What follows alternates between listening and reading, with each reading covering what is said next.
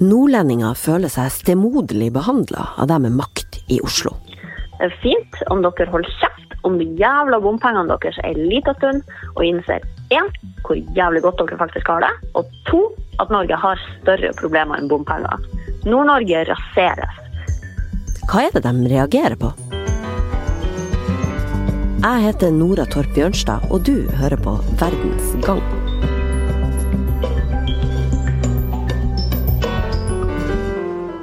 Fortsetter det nå slik, så risikerer vi at Nord-Norge ender opp som en koloni i sitt eget land. En koloni der sentralmakta henter ut ressursene for å så utelukkende gi faen i regionen. Hun har fått nok, sier hun, Ine Desiree Lund, i dette debattinnlegget på NRK Ytring. Og det er mange med henne. For å skjønne litt mer av hva det er som ligger bak det her sinnet, så måtte jeg snakke med flere fra landsdelen. Jeg har nå tatt turen til Radisson Blue Skandinavia i Oslo for å treffe en hel haug med nordlendinger. Her arrangeres nemlig Nord i sør-konferansen, som samler nordnorsk næringsliv, politikere og organisasjoner for å diskutere landsdelens fremtid, som det så fint heter. De siste månedene så har nord mot sør-debatten blussa enda mer opp. Og en som føler på det her hver eneste dag, er han som skriver kommentarer i landsdelens største avis. Skjalg Fjellheim, du er politisk redaktør i Nordlys. og vi kan kanskje peke på særlig fire saker som kilde til misnøye. Eh, hvilke mener du det er? Ja, Den eh, første og største saka er jo den tvangssammenslåinga av Troms og Finnmark i forbindelse med regionreformen, når Norge gikk fra 19 til 11 fylker. Eh, så har du selvfølgelig denne saken med flyambulansen og den vedvarende utfordringene og problemene som har vært der, som også har vart over tid. Så har du eh, saken om høyere utdanning på Helgeland, nedleggelsen av campusene på Nesna og Sandnessjøen, som også har vakt et voldsomt engasjement. Og så har du da sist, men ikke minst diskusjonen rundt eh, Nord-Norge-banen, som også har eh, engasjert eh, mange i Nord-Norge. Så jeg vil si at det er på en måte de, de fire sakene som har dominert den politiske diskursen i Nord-Norge det siste året. I sum, hvor stor vil du si at misnøyen nordpå, hvis man kan dra det så bredt som det, er med sentralmakta nå? Jeg vil si at Hvis du legger til grunn eh, valgresultatet fra kommune- og fylkestingsvalget i september, som viser at Senterpartiet da så vidt eh, at nesten ble det største partiet i Nord-Norge, eh, med nesten 25% av stemmene bak seg, så er det jo en økende misnøye med, med sentrale myndigheter i Nord-Norge. Sånn her er altså situasjonen nå. Men det finnes faktisk en historisk forklaring på misnøyen i nord som kan spores helt tilbake til krigen. Kalenderen viser oktober 1944. Nazistene brenner Finnmark og Troms øst for Lyngen. Befolkninga blir tvangsevakuert. Hele 17 000 hus blir brent ned. Nesten tre ganger så mange som i resten av Norge. Finnmarkingene trenger hjelp, og hjelpen kommer. Men fra et uventa hold en telefon til Tromsø, og doktorgradsstipendiat i historie Joakim Olmen Markussen tar oss videre inn i de her dramatiske høstdagene i 1944. Da det var russiske styrker som kom til unnsetning.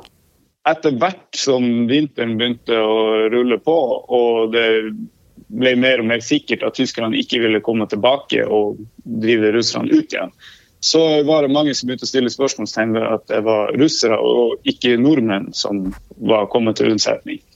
Senere eh, på høsten i 1944 så kom det norske styrker og norske myndigheter.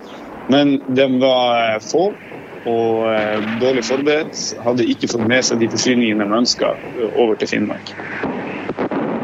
Det her er jo lenge siden.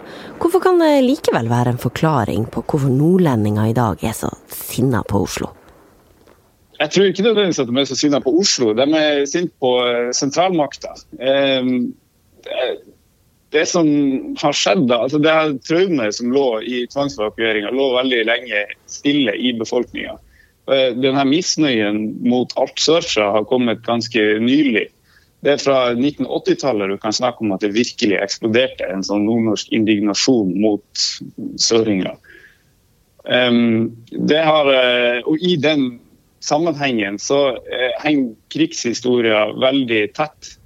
Eh, det som skjedde på 80-tallet, var at man begynte å mene, i Nord-Norge i alle fall, primært i Finnmark, at noen sto bak ei skyggelegging av det som egentlig hadde skjedd i Finnmark. Så de eh, altså Når du snakker om luftambulanse sak eller akuttberedskap, beredskap, plassering av eh, Forsvaret sine fly og helikoptre i Nord-Norge. Hver gang det er oppe til diskusjon, så henger liksom krigshistoria med.